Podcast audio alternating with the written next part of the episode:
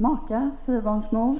Eh, jag bor på Helsjöns folkhögskola där jag jobbar som bibellärare. Och eh, jag är också präst i Svenska kyrkan sedan eh, snart 20 år tillbaka. Och så är jag väl också lite grann skribent. Skriver i Dagen bland annat. Och är ute och föreläser och lite sånt. Jag tänker på att vi lever i en splittrad tid och att vi alla eh, riskerar att internalisera den splittringen och att eh, det är därför det här temat behövs. Och att det är också en fördjupning av förra årets tema. Ska vi se, har ni förberett er? Det är bra. All right.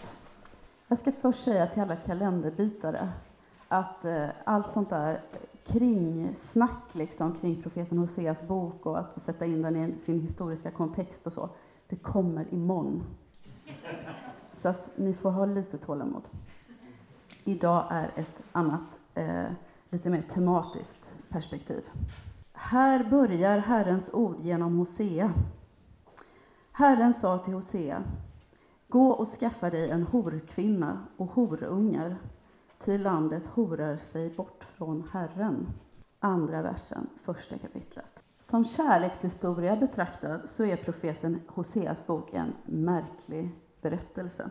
Väldigt sällan man ser någonting sånt på film. Den klassiska sagan brukar ju handla om den rike ädle prinsen som plötsligt får syn på den enkla flickan bakom hennes trasiga kläder och svettiga uppsyn. Man får tänka sig att hon har varit ute på betfälten hela dagen eller något sånt där.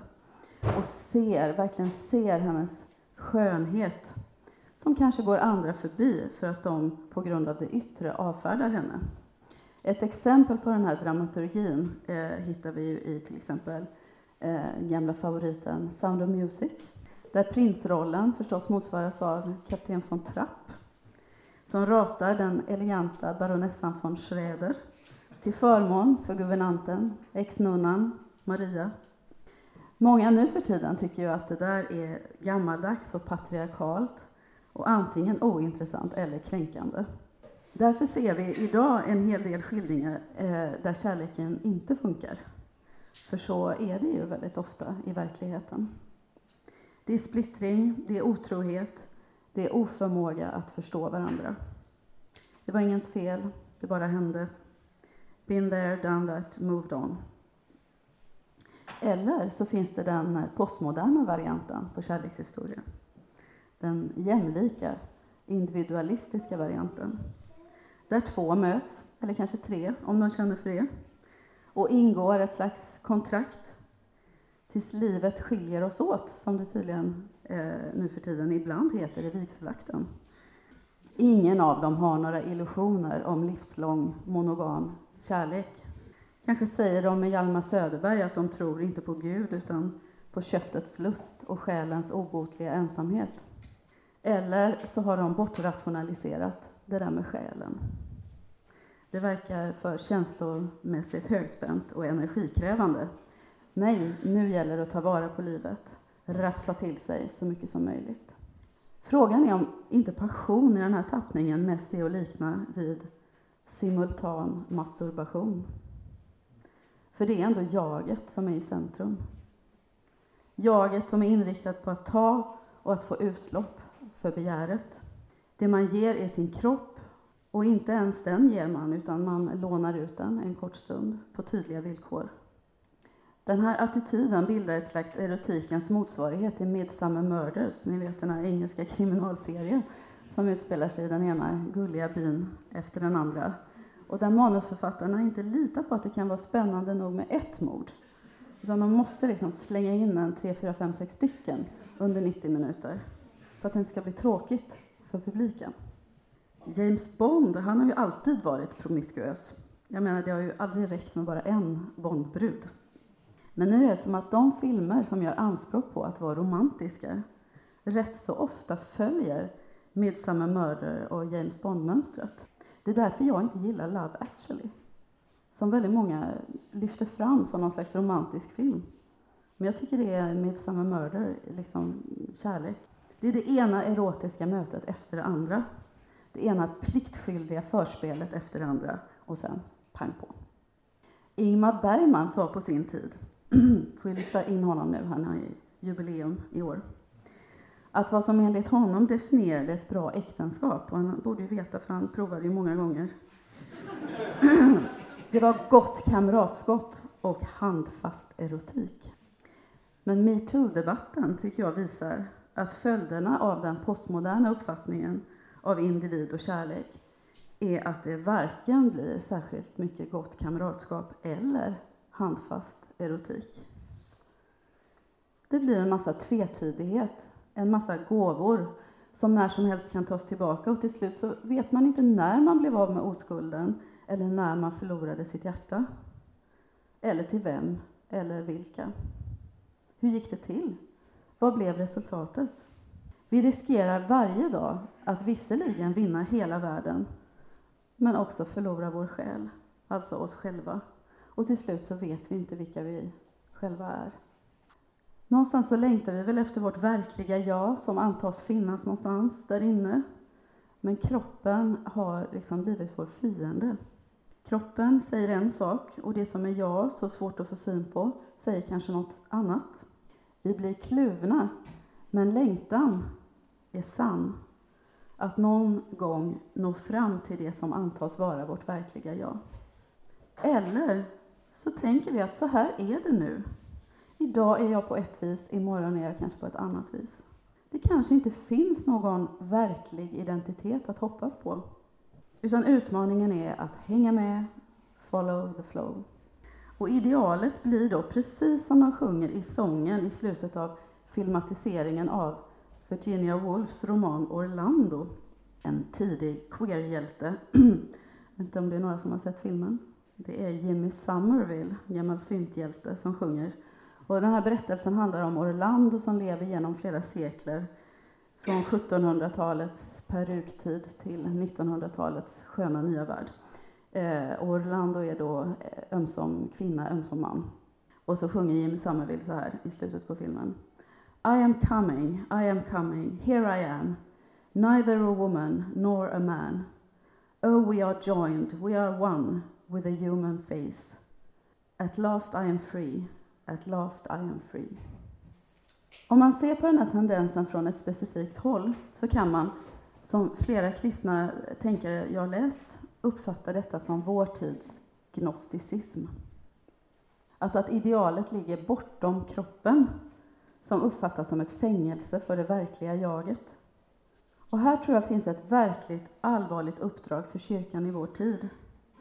Att inte, och Martin var inne på det igår också, att inte bagatellisera betydelsen av inkarnationen.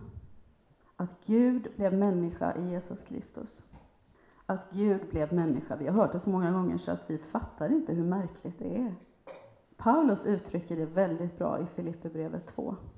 Låt det sinnelag råda hos er som också fanns hos Kristus Jesus. Han ägde Guds gestalt, men vakade inte över sin jämlikhet med Gud, utan avstod från allt och antog en tjänares gestalt, då han blev som en av oss. När han till det yttre hade blivit människa gjorde han sig ödmjuk och var lydig ända till döden, döden på ett kors. Om jag ställer det jämfört med det Jimmy Somerville sjunger i sången, så tycker jag det är lite tvärtom. Gud låter sig begränsas. Han underordnar sig frivilligt våra villkor, alltså att vara en person i en kropp. Jesus visar att friheten finns inte i det opersonliga, universella, utan märkligt nog att friheten finns i begränsningen. När vi vågar ta emot vår begränsning, bejaka den, tacka för den, så kan Gud göra någonting stort med den. Men om jag tillbringar mitt liv med en attityd som hela tiden sneglar över staketet, så kommer jag att missa all grönska som jag har till mitt förfogande och bara se allt det där som är out of bounds. Precis som Adam och Eva till slut inte såg någonting annat utom just det där trädet som Gud hade sagt att de inte fick äta av. De såg inte de 999 träden och bärbuskarna som fullkomligt överflödade av frukt och glädje och skönhet. Nej, de blev till slut helt blinda för allt det som Gud faktiskt hade gett dem och såg bara förbudet, gränsen. Och orsaken till att de till slut inte längre kunde stå emot var att de kommer att uppfatta gränsen och förbudet inte som ett uttryck för Guds omsorg, utan som en förolämpning. De hamnade i det som Alistair Crowley, den engelske poeten och målaren och okultisten, uttrycker så här på engelska, och han hade i sin tur lånat det av prästen och okultisten eh, François Rabelais. Eh, men i, på engelska heter det Do what thou wilt shall be the whole of the law. Alltså, gör vad du vill. Det är lagen. Och ifall någon undrar om jag har glömt dagens ämne. Nu är vi framme vid ingången till profeten Hoseas bok. Denna märkliga kärlekshistoria. Den är dramatisk, den är provocerande ojämlik, men kanske också lika provocerande hängiven. Här har vi passion på riktigt i dess ursprungliga betydelse. Passio på latin, det betyder ju lidande. Vi kan läsa i kapitel 2, till exempel 5b till 7a och vers 8. Hon tänkte, alltså den här horan som profeten Hosea gifter sig med, hon heter Gomer. Hon tänkte, jag vill följa mina älskare som ger mig mitt bröd och mitt vatten, min ull och mitt lin, min, min olja och mitt vin. Därför ska jag spärra hennes väg med törnen, säger Herren, och resa en mur för henne så att hon inte hittar sina stigar. Hon springer efter sina älskare men hinner inte ifatt dem. Hon söker dem men finner dem inte. Jag tänker på vad Erik Gustav Geijer skriver i sin kanske finaste psalm. En av fastesalmerna är det väl. Det intet finns som icke vinns av kärleken som lider. Psalm 140, vers 3. Profeterna i Gamla testamentet får ju ofta väldigt omöjliga uppdrag, måste man ju säga. De ska som Hesekiel äta bokrullar. De får som Jeremia lära sig att Gud inte är den som ger sig när han väl har fått för sig någonting, hur lite kallad till uppdraget man än känner sig. Daniel, ja, där har vi ju lejongropen och hans mångåriga närvaro i Game of Thrones, eh, kan man väl säga att han vistades i. Amos, kan jag tänka mig, han hade nog gärna fått vara i fred med sina får utan att behöva uttala domsord över Samariens feta kvinnor. Men frågan är om ändå inte Hoseas uppdrag tar priset. Där kan man med vår tids främsta eufemism verkligen tala om utmaning. Du ska, säger Gud, du ska flyga Norwegian till Amsterdam. Du ska ta kanalbåten till Red Light District och gifta dig med en av tjejerna där. Hon kommer inte att tycka att du räddar henne från en förödmjukande tillvaro. Hon kommer att bedra dig, hon kommer att bjudas av andra män eh, på resor till Thailand och du kommer att vara tvungen att försöka hitta en billig biljett och åka dit och hämta henne. Där hon ligger i något dike utanför en pagod med sminket utsmetat. Sin skönhet kommer hon att spara för andra män. Hon kommer inte att tacka dig. Henne ska du älska och du ska älska henne vad hon än gör. Sug på den. Det är inte direkt Pretty Woman. Richard G. betalar ju Julia Roberts, Vivian, och så småningom så förälskar han sig i henne på riktigt och hon i honom. Pengar, erotisk attraktion, skön förening. Vi kan heller inte likna profeten Hoseas bok vid Raskolnikovs kärlek till Sonja i Dostojevskijs Brott och straff. Sonja har ju tvingats att prostituera sig, men innerst inne så vet vi ju alla att hon är en bra flicka, hon är ädel och god. Och efter botgöring så finner de båda på typiskt härligt ryskt sätt Gud och därigenom ett nytt liv tillsammans. Och det är den här typen av dramaturgi som Hollywood tog upp och gjorde så många varianter av. Nu ser man det sällan. Det är inte utan att man kan sakna den där rörelsen ändå. Det är så man vill att det ska vara. Det är så man själv vill vara. Jag i alla fall. God innerst inne, alltså. Och så längtar man efter att någon ska upptäcka ens inre skönhet, även om det är lite si och så med den yttre. Och det finns någonting där som jag tror säger någonting viktigt om mänskligheten. Djupt, djupt inuti är vi alla Guds avbilder. Gud har skapat oss, var och en, med en alldeles egen skönhet. Och han har skapat oss med en längtan inuti som bara längtar efter honom. Men det är ju också som det heter i lovsången. Vi vill återvinna den skönhet vi förlorat. Nu har jag i och för sig, det har förstörts lite för mig, för att jag börjar tänka på det här med åter och vinna. Vad är det de vill uttrycka egentligen? Ska vi återvinna den? Eller ska vi återvinna den? Vi kan ha en liten bikupa om det. Hur uppfattar ni den strofen? Jag vill inte blanda, blanda in ekologin, men prata med din granne om detta. Hur uppfattar ni den strofen? Vi vill återvinna den skönhet vi förlorat. Vi var på Raskolnikov och Sonja eh, och den inre skönheten. Eh, allt detta som jag nu eh, nämner här skulle jag kunna belägga också med väldigt många bibeltexter. Eh, men jag nöjer mig med att konstatera att profeten Hoseas bok har ett lite annat perspektiv än det där med god innerst inne och inre skönhet och sånt. Det är en väldigt kärv bok, men det är ändå någonting här som, som har drabbat mig. För det är någonting som jag tror att vi behöver höra, även om vi inte har lust att höra det. Vi tycker naturligtvis det är väldigt jobbigt med det här med horkvinna och horungar och att landet horar sig bort från Herren. Det är inte trevligt att höra på sånt här fint medelklassläger. Det är ju ingen av oss som har lust att identifiera sig, tror jag, med en sliten hora som det är omöjligt att lita på. En som för länge sedan förlorat allt sånt som trofasthet och trohet och lojalitet. Vi fortsätter i kapitel 2 från vers 11. Det är Herren som talar. Jag ska göra slut på all hennes glädje, hennes högtider, nymånadsdagar och sabbater, alla hennes fester. Jag ska skövla hennes vinstockar och fikonträd som hon tror är den lön hon har fått av sina älskare. Jag ska förvandla dem till snårskog, de vilda djuren ska äta dem. Jag ska straffa henne för dagarna då hon tände offereld åt balsgudarna, prydde sig med ringar och smycken och följde sina älskare. Mig glömde hon, säger Herren. Så tänker jag på vad Gustaf Fröding sjunger eh, ni vet den här kända, jag köpte min kärlek för pengar. För mig var ej annan att få.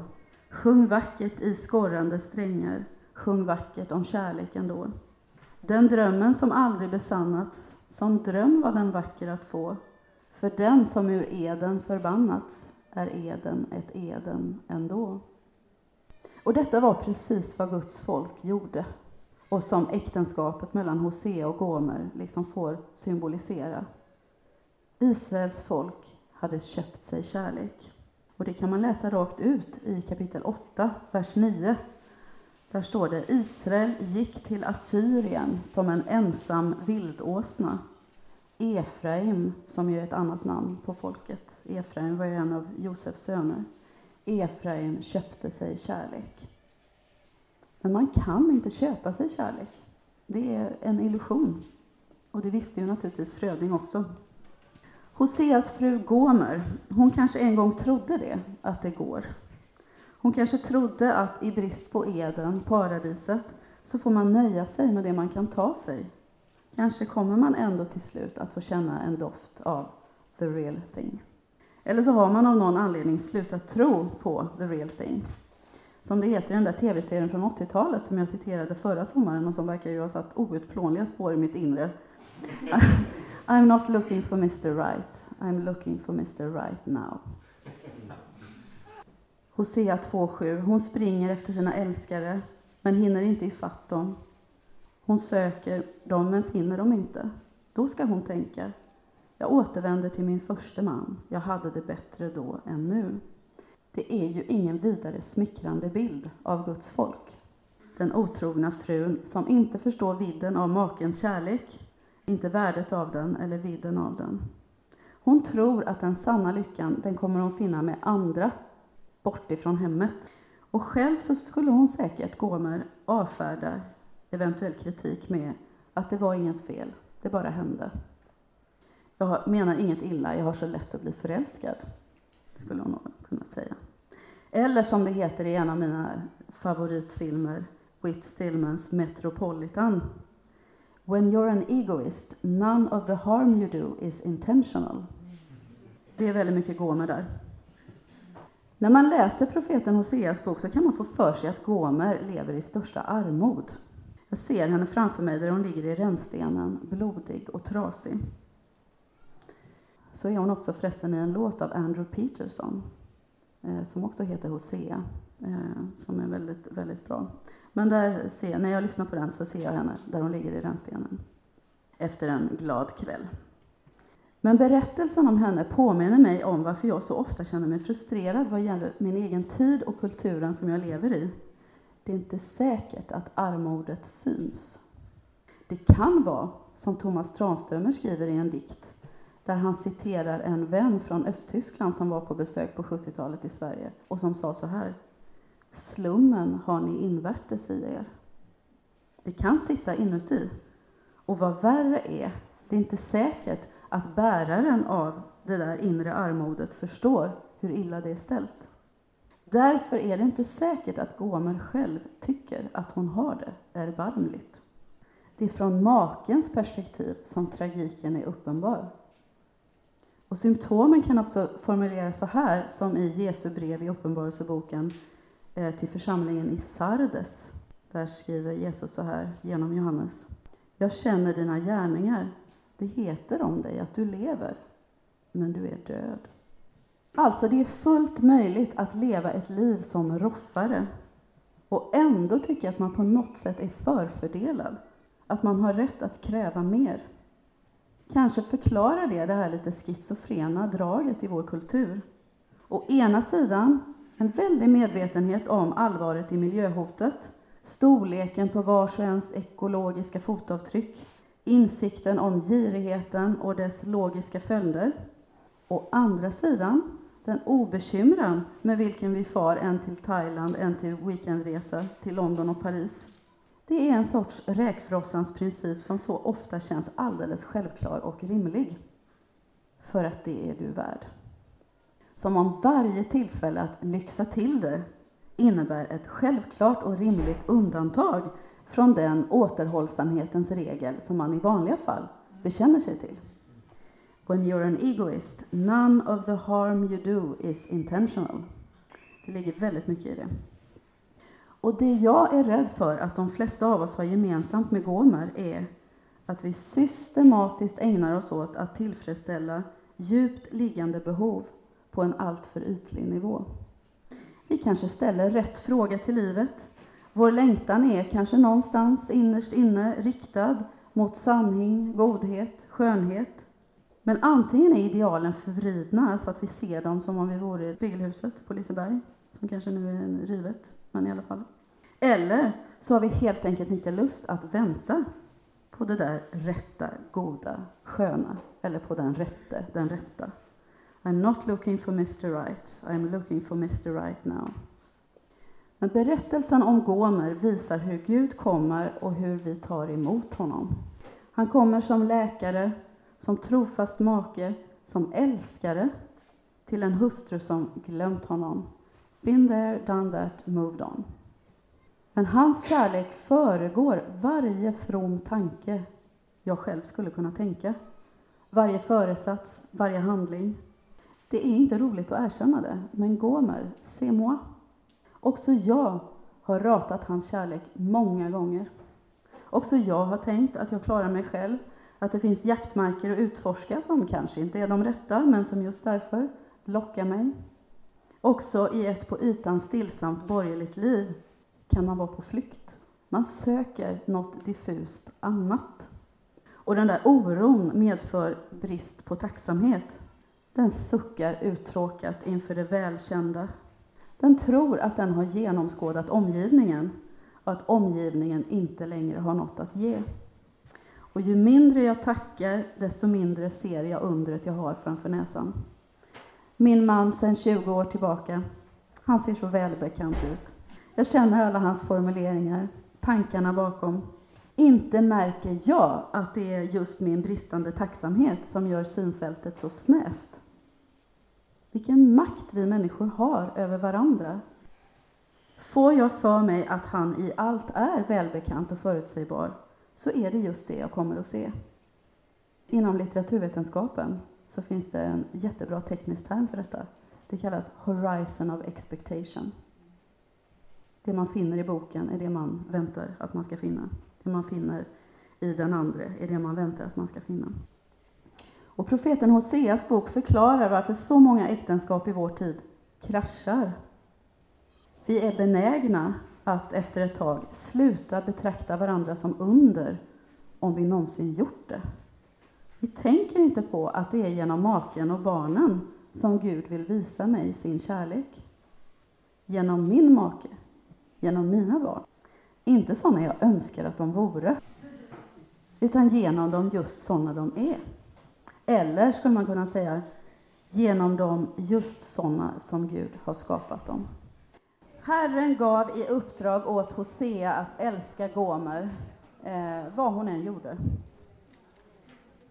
Och så uppfattar jag också den kristna tanken med äktenskapet. Så som Svenska kyrkans handbok förr uttryckte det. Det är äktenskapets uppgift att ge vidare den kärlek som är av Gud. Jag vet inte riktigt hur det står nu. Därför är äktenskapet tänkt för hela livet. För att det ska återspegla Guds kärlek. Som är som den där bägaren ni vet i Psaltaren 23. Som ju i gamla översättningen härligt flödade över. Jag är inte riktigt nöjd med det här att det fylls till bredden. Jag tycker inte det är samma sak. Men därför har vigselritualet sagt i nöd och lust tills döden skiljer oss åt. Det är ett ofattbart stort löfte. Många, ni har säkert liksom jag själv, bävat inför att uttala de orden. Hur ska man kunna lova något sånt? Jag menar, även om man inte gifter sig med Gomer. Somliga menar att det är orealistiskt, att man inte bör lova något som är så osannolikt att man skulle kunna hålla det. Bättre då att ha lagoma förväntningar både på den andres trohet och sin egen, tills livet skiljer oss åt. Men om vi har en kristen förståelse av äktenskapet så är vi ju inte utlämnade åt vår egen mediokra uthållighet. Då finns det någon att hämta kraft ifrån, någon med stort N. Någon vilken vi kan be. Gud, hjälp mig att förmedla din kärlek till min man och till mina barn. Och hjälp mig att ta emot din kärlek genom dem. Och när helst vi är ärliga i vår bön, alltså när vi är där med honom, i tillit till honom, då kan han fylla på och blåsa in nytt liv, ny kärlek och ny trofasthet. Haken är förstås om vi är intresserade av att det där nya livet ska komma in i relationen. Det är väl därför Jesus så ofta frågar sjuka människor, vill du bli frisk? För även om svaret kan verka självklart så är det inte det. Att vara frisk är på sätt och vis jobbigare än att fortsätta vara sjuk och hålla fast vid de här vinsterna som sjukdomen ger. Att vända tillbaka till en make man övergett torde på sätt och vis vara jobbigare än att verkställa skilsmässan. Att få fortsätta hysa det där agget. Att få tänka på sig själv som den förfördelade och missgynnade. Den av patriarkatet missgynnade, kanske till och med. Det kan någonstans i all sorg och bitterhet vara ganska behagligt. Att få fortsätta klaga, tröstäta, tänka på sig själv som offret. Mycket av svensk nutida feminism verkar hämta sin kraft från den sortens erfarenheter. Och nog finns det destruktiva relationer där man måste lämna. Men jag skulle ändå, om jag ser mig omkring, eh, alla som jag har stött på i alla fall, så skulle jag ändå gissa att merparten av alla äktenskap har tillräckligt mycket kvalitet i sig för att det skulle vara möjligt att göra någonting åt situationen. Som någon sa, en skilsmässa är ofta att ta till en amputation där det hade räckt med en operation. Och räknar man med Gud så är han livligt engagerad i kampen för äktenskapet och för hela relationer. Och om vi tycker att det sker för lite under i våra kristna sammanhang så ska vi inte automatiskt önska oss till mer karismatiska kyrkor i världsdelar där det verkar vara mer action. Utan det stora bekymret är nog snarare våra småttiga förväntningar på vad Gud skulle vilja och kunna göra. Just här i välfärdsstaten, just här i mitt eget trassliga småborgerliga liv. Vill du bli frisk? Om jag ska vara ärlig, vad svarar jag på den frågan? Profeten Hosea får i uppdrag av Gud att älska sin fru, vars kärlek tillbaka är minst sagt flyktig. Han ska låta henne rymma iväg där på natten, men han ska också leta efter henne när hon har försvunnit. Han ska vara hennes barmhärtige samarier. Och hans enda hopp är att hon där i armodet ska upptäcka och känna igen hans kärlek. Så här säger Gud i andra kapitlet. Vi har redan läst en av de verserna. Från vers 13. Jag ska straffa henne för dagarna då hon tände offereld åt balsgudarna, prydde sig med ringar och smycken och följde sina älskare. Mig glömde hon, säger Herren. Därför ska jag locka henne ut i öknen och söka vinna hennes hjärta. Så Gud låter oss gå vår egen väg. Han måste det. Han kan inte tvinga oss att älska honom eftersom kärlek inte kan köpas. Men som Geijer visste, det icke finns som icke vinns av kärleken som lider. Och det är i öknen som Jesus befinner sig när frestaren kommer, som vi hörde om igår. Frestaren som försöker duellera med lämpliga bibelord. Och han, djävulen, kämpar för att få över Jesus på sin sida. Han lockar och han frestar och hans tal är lent som jordgubbskräm. Men Jesus fäktar inte tillbaka. Han tar skydd bakom ordet. Och där i ordet, i ordet i öknen, finner han Faderns omsorg och stora, djupa kärlek. Israels barn måste gå genom öknen för att komma från slaveriet. Johannes döparen befann sig i öknen, långt från det väl inredda och på alla sätt smakfullt designade kyrkokansliet. Och det är därför Sören Kierkegaard långt senare skriver När en människa ensam ute i öknen möter ett vilddjur kommer skriket av sig självt. Det är i öknen de onda makterna avslöjar sig som de onda makter de är. I staden, i den urbana, ombonade miljön, kan de maskera sig och dölja sig och på det viset locka oss till sig.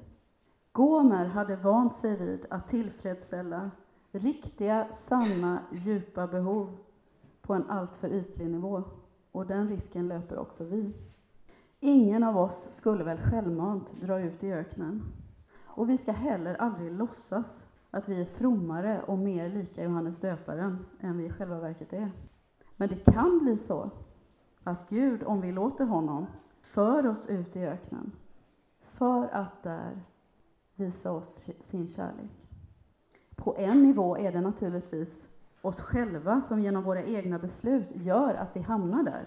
Men det är lika sant att säga, precis som för Israels barns exil så många gånger, att det var inte Nebukadnessar, det var inte den assyriske despoten eller någon av de andra erövrarna som var problemet, utan det var folkets bortvändhet från Gud som var problemet.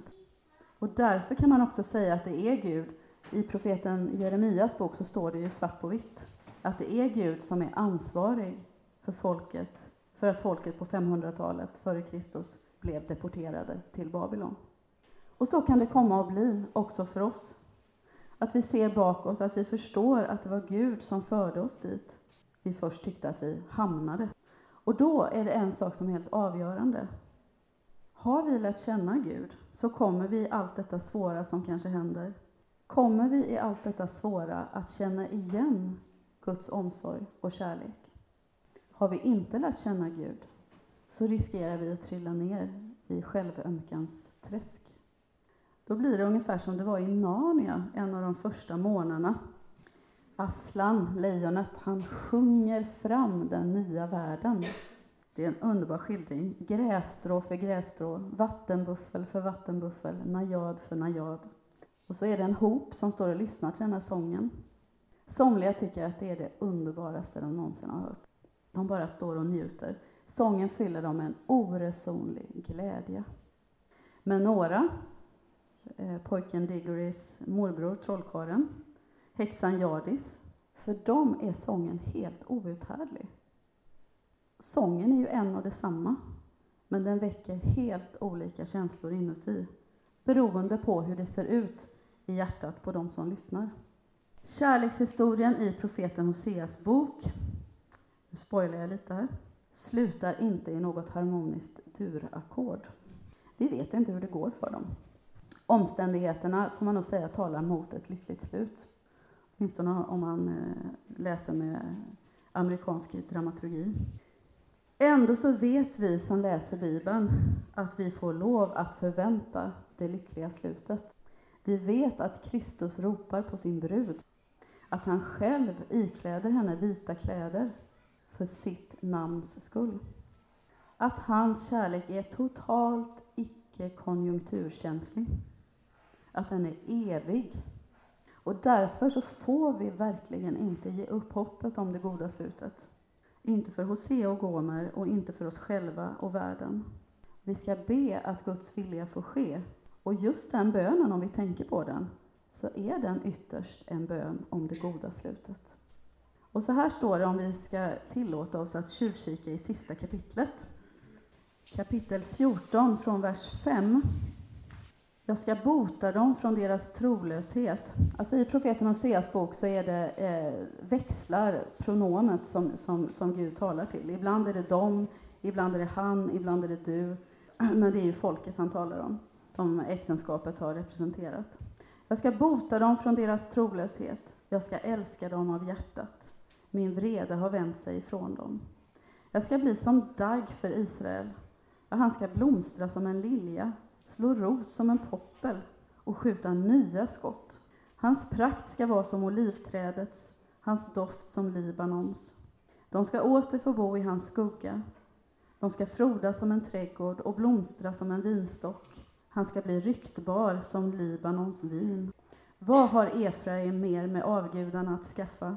Jag är den som ger svar och vakar över honom. Jag är som en grönskande cypress. Från mig får du din frukt. Det intet finns som icke vinns av kärleken som lider. Och den kärleken, när den tas emot, det är den kärleken som bär frukt. Det är inte fråga om någon kärnfamiljsstereotyp, sluten och självgod.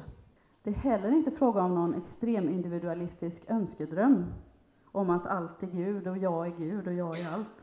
Utan, som evangelisten Johannes skriver, detta är kärleken. Inte att vi har älskat Gud, utan att han har älskat oss och gett sitt liv som försoningsoffer för våra synder. Inte bara så älskade Gud världen, utan så älskade Gud dig. Vi ber. Ja, Herre, jag vill tacka dig för ditt ord och för att du har anförtrott oss ditt ord. Tack för att det kan bli ständigt nytt. Även rader som vi läst många gånger och blivit trötta på, tycker vi. Även rader som vi inte begriper, eller rader som vi inte tycker om just för att vi begriper. Tack för att ditt ord alltid kan bli nytt. Tack för din kärlek till oss. Tack för att du är den som inte slutar att älska oss. Jag ber dig att vi de här dagarna på Hjälmared, att vi ska få syn på den kärleken och vad den betyder och vad du vill göra i vårt liv och i vår familjs liv och i vår församlings liv och i vår kyrkas liv. Herre, för oss till den ödmjukheten att vi blir tacksamma och glada när vi får syn på den kärleken så att vi tar emot den. Så att vi förstår att vi behöver den. Att det är den vi behöver först av allt, innan allt det där andra. Köksinredningarna och resorna och all god sushi. Herre, tack för att varje dag så är din kärlek ny och din nåd är ny. Och tack för att vi är dina älskade barn, söner och döttrar som du vill förmedla din kärlek till och att du vill att vi förmedlar din kärlek till världen, till de som vi möter. Jag tackar dig för det. I Jesu namn. Amen.